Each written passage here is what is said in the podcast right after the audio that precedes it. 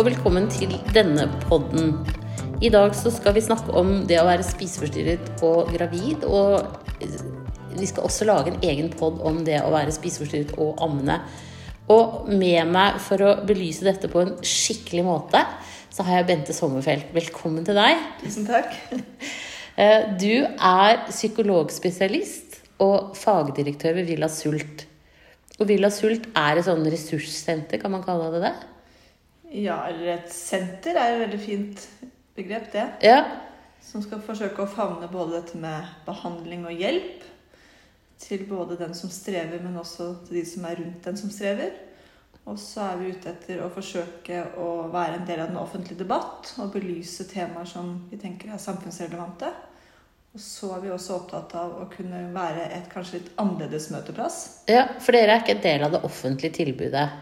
Vi støttes ikke av det offentlige tilbudet. Så Nei. vi er et, eh, en stiftelse som skal forsøke å være et eh, supplement til hva det offentlige tilbyr av hjelp og støtte. Ja, det er veldig bra. Det trenger vi. Ja.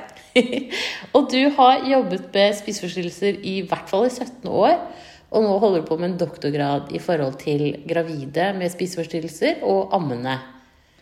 ja. Ja, Så du samler informanter og informasjoner og lager opplegg? Ja, altså Vi har jo fått støtte fra Norske kvinners sanitetsforening til å finne ut av mer av kvinnenes egne erfaringer i møte med svangerskap og barsel, når de samtidig strever med dette med mat og kropp og vekt selv. Ja? Og det er jo et tema jeg har vært opptatt av lenge, og som er et tema jeg har blitt opptatt av fordi jeg har møtt mange kvinner som selv opplever ikke helt få den hjelpen de kanskje trenger Mm. under graviditeten. Men også så ser vi jo at en del helsestasjoner og jordmødre eh, ser at dette har blitt et mye tydeligere problem, men de vet ikke helt hva de skal gjøre med det. Så Nei, de trenger mer kompetanse, rett og slett. Ja, for vi har jo ikke noe i utdannelsen vår som sikrer det, og ernæringsfysiologer er jo kjempevanskelig å få tak i i forhold til å veilede om eh, kropp og kosthold og de tingene der. Så jeg tenker det er superbra det du gjør, da. Så Jeg håper det. det vil vise deg. Men jeg tenker sånn som du sier, man setter fokus på det. Det i seg selv er, er en driver, altså. Det er kjempebra. Og da ser vi jo at ehm, mange kvinner kan jo ha strevd med dette med mat og kropp og vekt i mange år. Og så har de kanskje hatt noen år hvor de opplever at dette har tatt mindre tid og mindre plass. Og så blir de gravide. Og så ser vi at veldig mange gravide kan jo oppleve at en del tanker og eh, atferd dukker opp igjen Ja.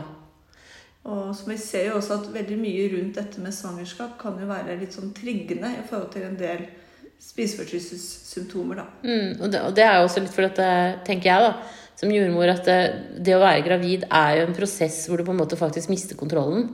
Eh, og må miste den til tider eh, for at det skal gå bra.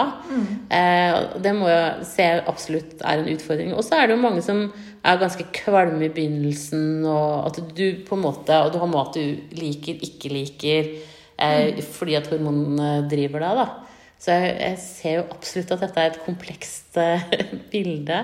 Ja, så tror jeg også at um, det er veldig mye av den hjelpen og støtten og oppfølgingen som vi gir uh, under svangerskap, som også kan ligne mye på liksom, en spissbruse. Ja. Uh, eller satt på spissen, da, men det er veldig mye detaljfokus for eksempel, på dette med kost, vekt, riktig gal vekt. Eh, mye ja-nei-mat som man skal spise, ikke skal spise fordi man skal ta vare på fosteret. Noe er bra for det, noe er ikke bra for det. Så det er også en god del råd som vi tenker er liksom gode råd, men som også kan fort komme litt feil ut. Ja. Det kan fort ligne litt på sånn man drev på før.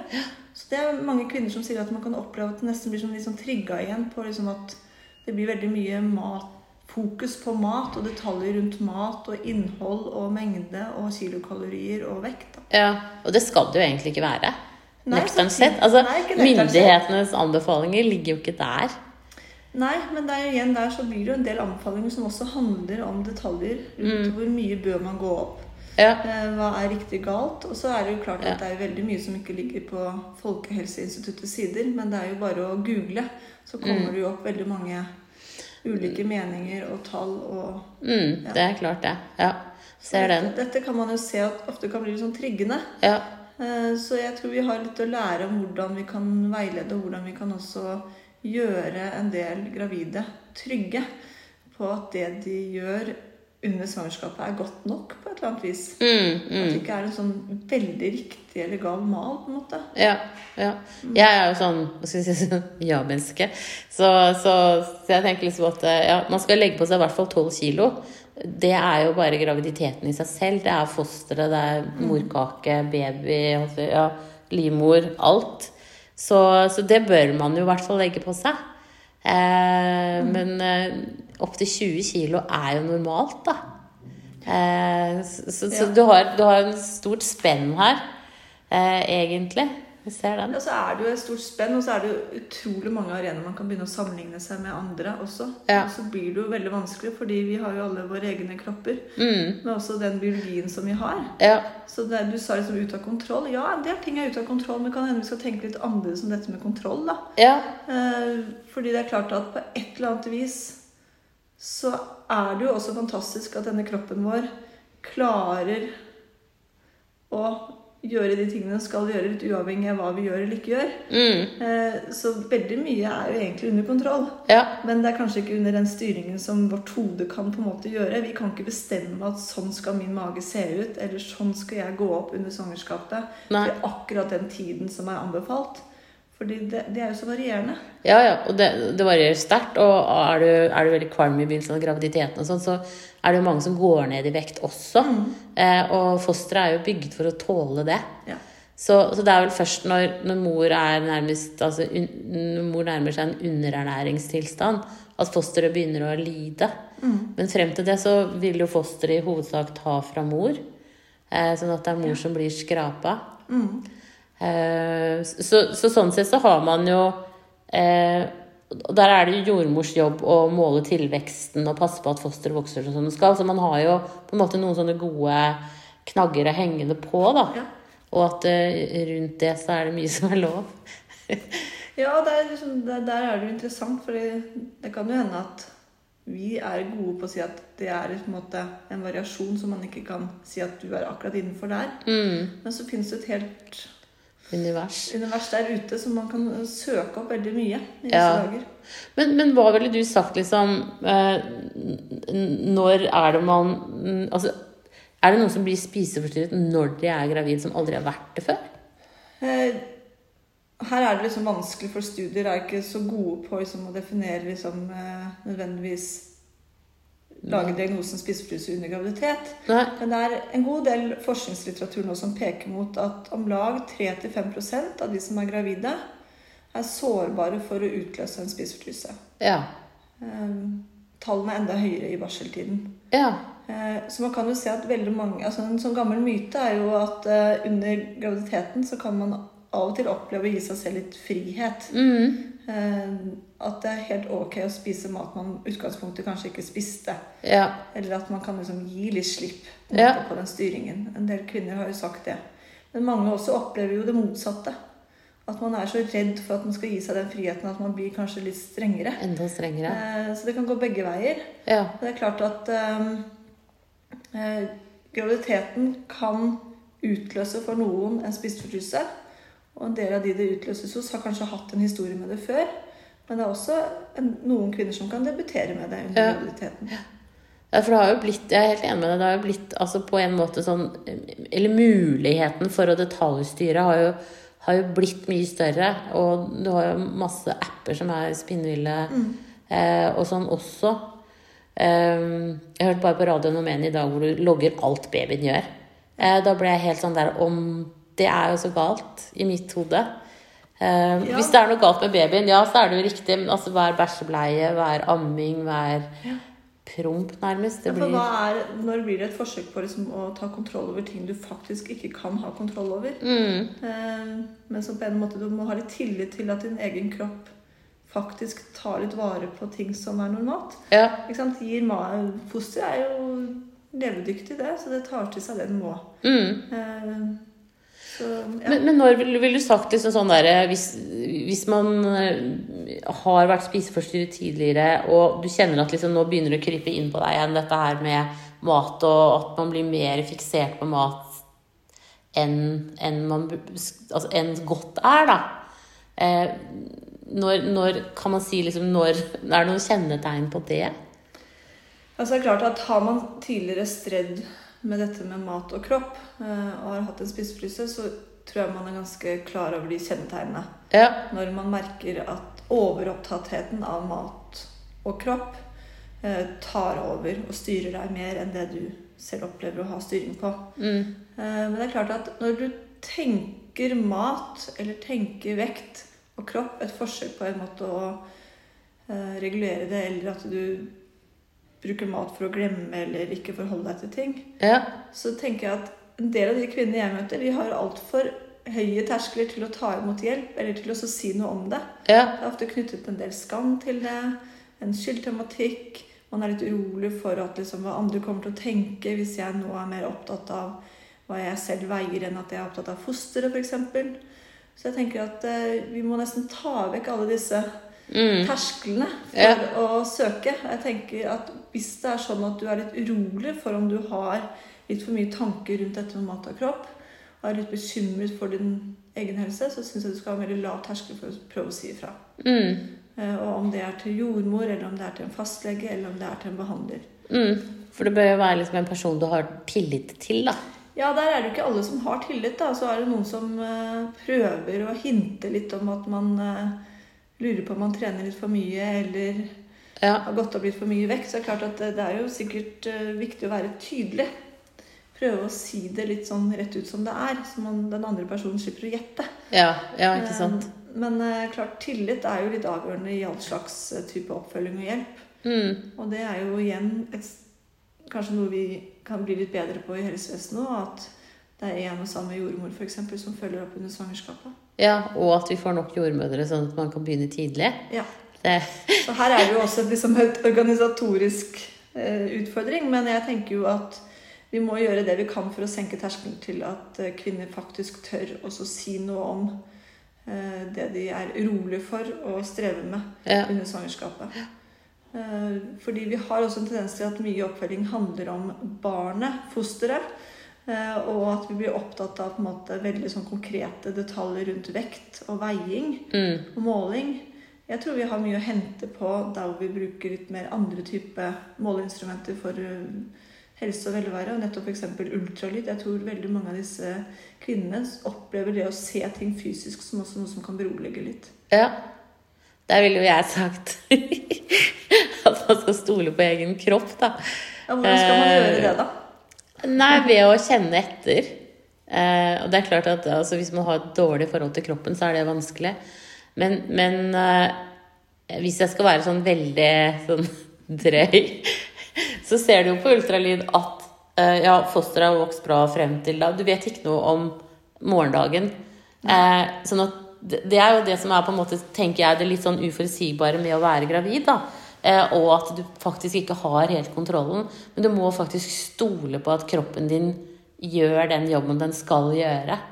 Og at eh, når du går til jordmor eller fastlege, så oppdager vedkommende det hvis det ikke blir riktig. Med veldig sånn manuelle eh, centimetermål da, som vi måler med. Så, der, så der er, altså jeg ser jo det at du, at du liksom Ja, men jeg, jeg, det er bra med ultralyd, og, det, og ultralyd er et fantastisk hjelpemiddel. Men jeg ville også sagt sånn at det, det er nettopp en av de der gangene hvor du må stole på kroppen din. og du må for når, du, når babyen kommer ut også, så er du jo nødt til å stole på instinktene dine og vite med deg selv at ja, men som mor eller far så gjør du det beste for barnet ditt. Eh, at vi, vi må liksom prøve, prøve det, da. Men jeg tenker at det er jo veldig fint hvis man kan klare å stole på kroppen sin. Mm. Eller stole på seg selv. Jeg tenker jo at eh, Har du hatt et anstrengt forhold til mat og kropp i store deler av ditt liv, så er det klart noe av det du har strevd med, er nettopp å kjenne etter. Mm. Og det å kunne stole på. For det største Du har jo ofte en veldig stor frykt på at ting skal gå ut av kontroll. Mm. Det innebærer ofte også kroppen. Ja. Eh, Så jeg tenker at eh, svangerskapet kan være en veldig fin arena for å bli koblet på. Ja. Eh, og til å kunne nettopp øke litt sånn fornemmelsen av hva som foregår inni kroppen min. Mm. Eh, men jeg tror ikke vi alltid helt hjelper kvinnene til dette, da. Nei. Så jeg tenker Ultralyd er et eksempel på hvordan hjelpe dem til å koble på. Ja. Til å faktisk få et fysisk bilde på hva som foregår på innsiden av magen. Mm. At du ser babyen. Ja, at du ser at inni, inni magen din så er det liv. Ja. Um, og så tror jeg også vi har noe å lære av en del kvinner som forteller i etterkant at de gangene de kom til en um, jordmor eller en behandler og sa noe om at de var litt engstelige fordi de kjente på noe, Ja. og så kommer vi veldig fort med et utsagn som jeg tror er godt ment. Det er sånn Men det er helt normalt. Ja. Så på en eller annen måte så tror jeg veldig mange kvinner plutselig erfarer at idet de begynner å kjenne noe, så blir det fort normalisert. Mm. Så de får ikke nesten eid sin egen opplevelse, da. Eh, Men Så, så man skulle heller gått, altså gått videre på det og altså spurt Utforsket litt mer. Ja. Det er jo egentlig veldig spennende hvis en kvinne utgangspunktet har kjent veldig lite. For det er jo veldig sånn Mange som har strevd med mat og kropp Ja. i flere år, har jo blitt litt sånn avstengt fra sin kropp. Kroppen er i hodet, ikke der nede. Mm. Eh, Så hvordan kan man på en måte også liksom få dem til å bli mer nysgjerrig på hva de faktisk fornemmer? Ja. Hva de faktisk kjenner? Og Derfor så tenker jeg at det, kan man jo bruke dette livet på innsiden til Ja, å kjenne litt mer etter. Ja. Ikke bare normalisere alt, da. Det var en kvinne som sa det til meg at jeg har liksom ikke fått lov til å eie min egen opplevelse, for alt er normalt. Nei. Det er helt normalt, det. Normalt at man kjenner litt mer liv på det. Altså, men, men Ja. på hvilken måte kjennes det, og hva gjør du med deg hvis du ikke kjenner f.eks. liv på noen timer, da, som egentlig er normalt, ikke sant? Men Ja. hva kjenner du på da? Da er det ofte frykt. Ja. Uh, og så er det også veldig mange av disse kvinnene som kanskje gjør ting som de ikke forteller oss, som f.eks. kaster opp. Eller de vet kanskje at de trener mer enn det som er bra at de gjør. Ja. Eh, de er aktive mer enn de kanskje burde. Eller de spiser så store mengder mat at de får vondt i kroppen i form av overspising. Men de tør ikke å fortelle oss det, for det er så mye skam knytta til det. Ja. Og de er veldig redde ofte for at det de gjør, kan skade fosteret, og at det er jo en sannsynlighet for at de kan skade. Ja. Så da kan de ofte unngå å fortelle da, Ja, isteden. isteden. Så jeg tenker at det er også liksom noe med å prøve å tenke at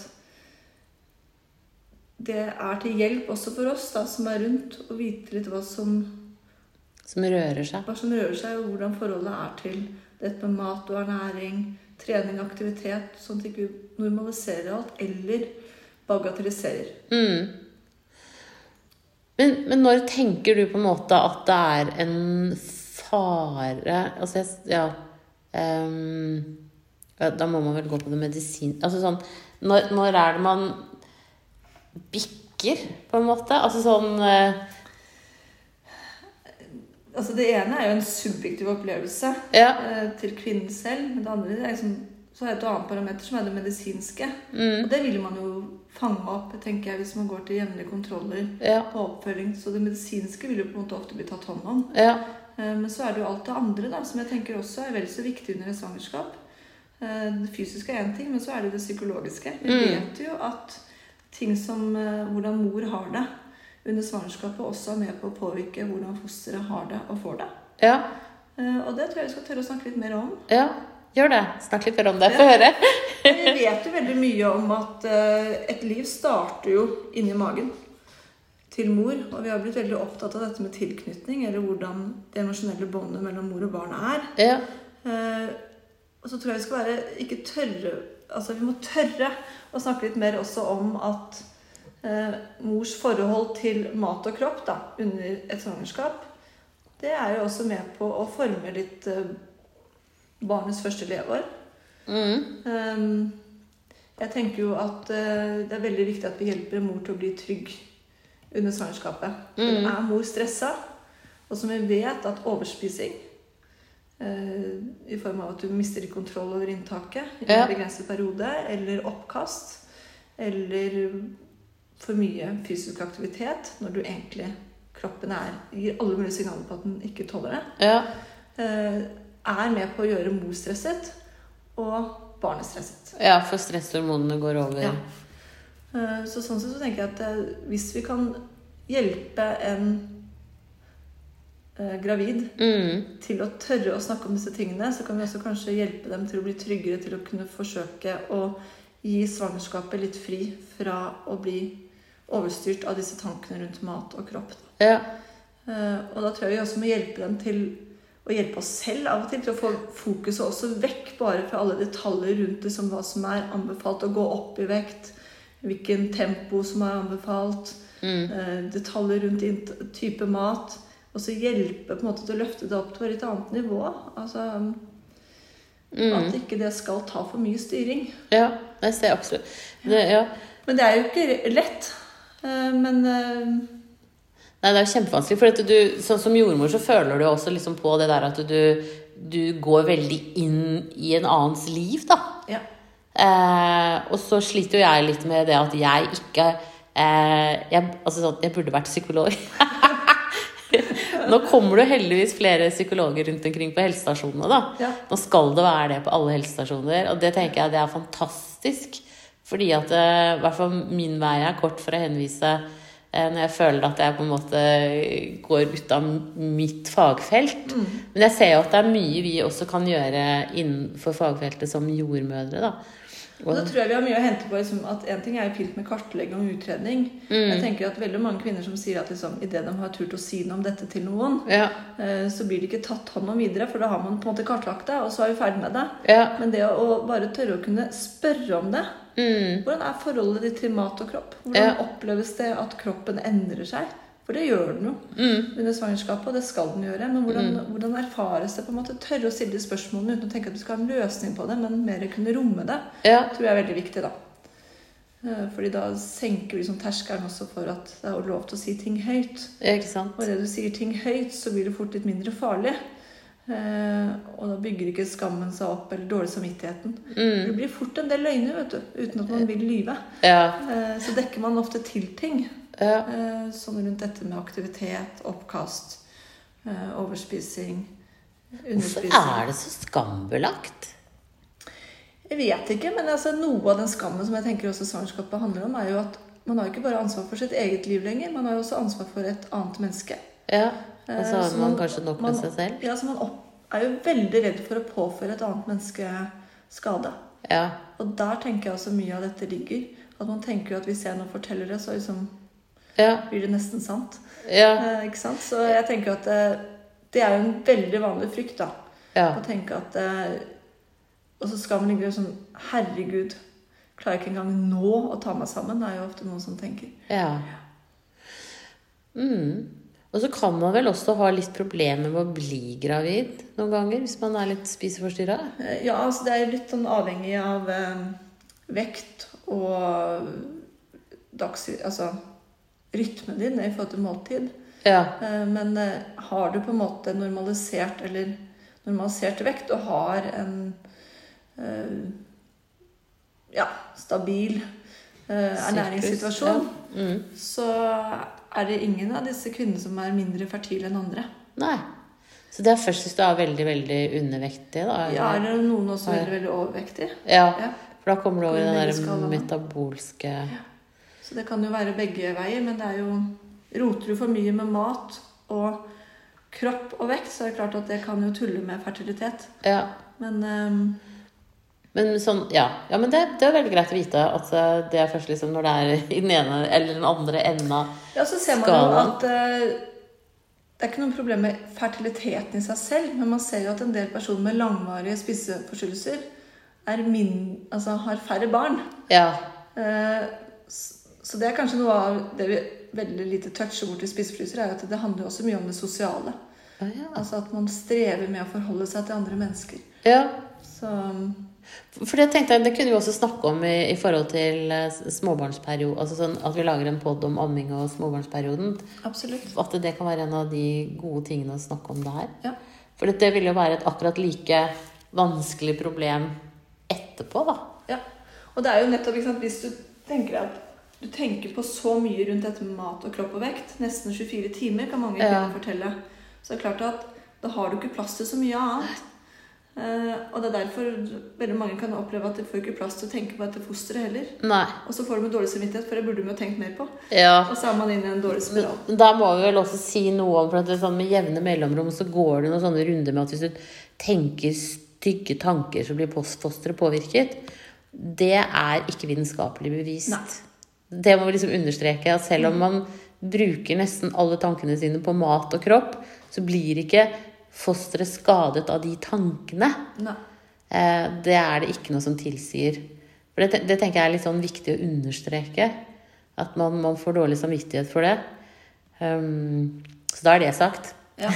Hvis man skal snu det litt, altså ikke bare fokus på foster og barn som er vanskelig å forestille seg, men så er det også viktig å huske på at hvis, hvis du klarer på en måte å ta bedre vare på deg selv, gi deg selv litt mer eh, rom og raushet og vennlighet, så er det også veldig viktig arbeid som du gjør under svangerskapet, som dette barnet vil tjene på.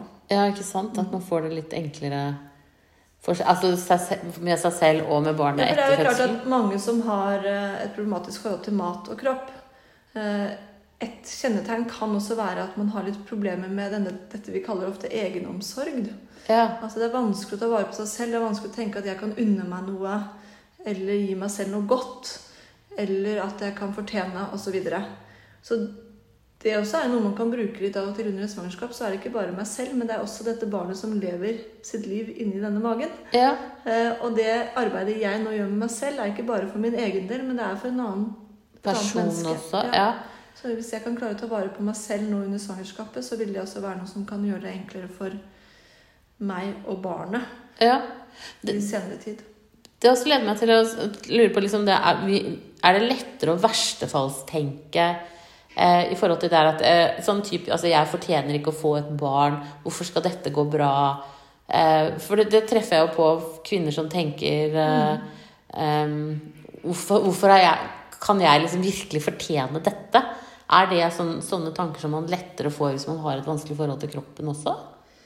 Det kan jo handle om eh, andre ting da, i forhold til eh, erfaringer du tidligere har hatt, eller eh, skyld- og skamtematikker, som mange med spiseforstyrrelser kan absolutt kjenne seg igjen i, tenker jeg. Ja, Så det handler litt om tidligere erfaringer. ja, Og litt synet på deg selv, da. Eh, Og det er jo mange som har et problematisk forhold til mat og kropp, som ikke har et veldig godt syn på seg selv. nei, ikke sant? Eh, Og tenker på seg selv som en dårlig menneske eller dårlig person. Ja, Det er klart at eh, sånn sett For noen kan man jo bruke da svangerskapet som sånn springbrett til å kunne faktisk ta litt bedre vare på seg selv. Kunne ernære seg selv litt bedre. Kunne redusere dette med aktivitet fordi kroppen skriker nei. Ja, Så faktisk lytte til kroppen sin eh, og bli litt mer opptatt av å kjenne etter enn det man kanskje har kunnet gjøre før. ja. Ikke sant? Så man ser jo at eh, svangerskapet er en kjempefint sted å faktisk kunne jobbe med sitt eget forhold til mat og kropp og seg selv. Ja, Eh, Men vi toucher sjelden borti det, for vi blir så opptatt av fosteret. Og så skal man komme seg hjem etter svangerskapet, og så sant. skal man begynne med noe.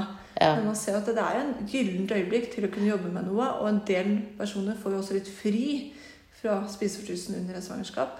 Selv om det er også en sårbar fase. Ja, ikke sant? Ja, men det, For det er en veldig sårbar fase. ja, det, er- det, men men jeg likte litt det du sa, at det også har liksom et godt potensial. Ja, jeg tror vi har, og da tror jeg vi hjelpere kan også styrke litt grann hjelp som vi faktisk kan putte på. Mm. For det, dette er jo det vi kaller egentlig forebygging. Det er Ja, det som også sant. er sånn roten til dette doktorgradsprosjektet, å tenke forebygging faktisk før livet for alvor går i gang. Ja. ja. Ja, men det Forebygging til en god fortsettelse. ja. Absolutt. Og jeg tenker jo at eh, hvis vi kan gjøre det vi kan for at en mamma kan bli få et annet forhold til sin egen kropp og mat, så vet vi at det vil hjelpe barnet Ja. på sikt.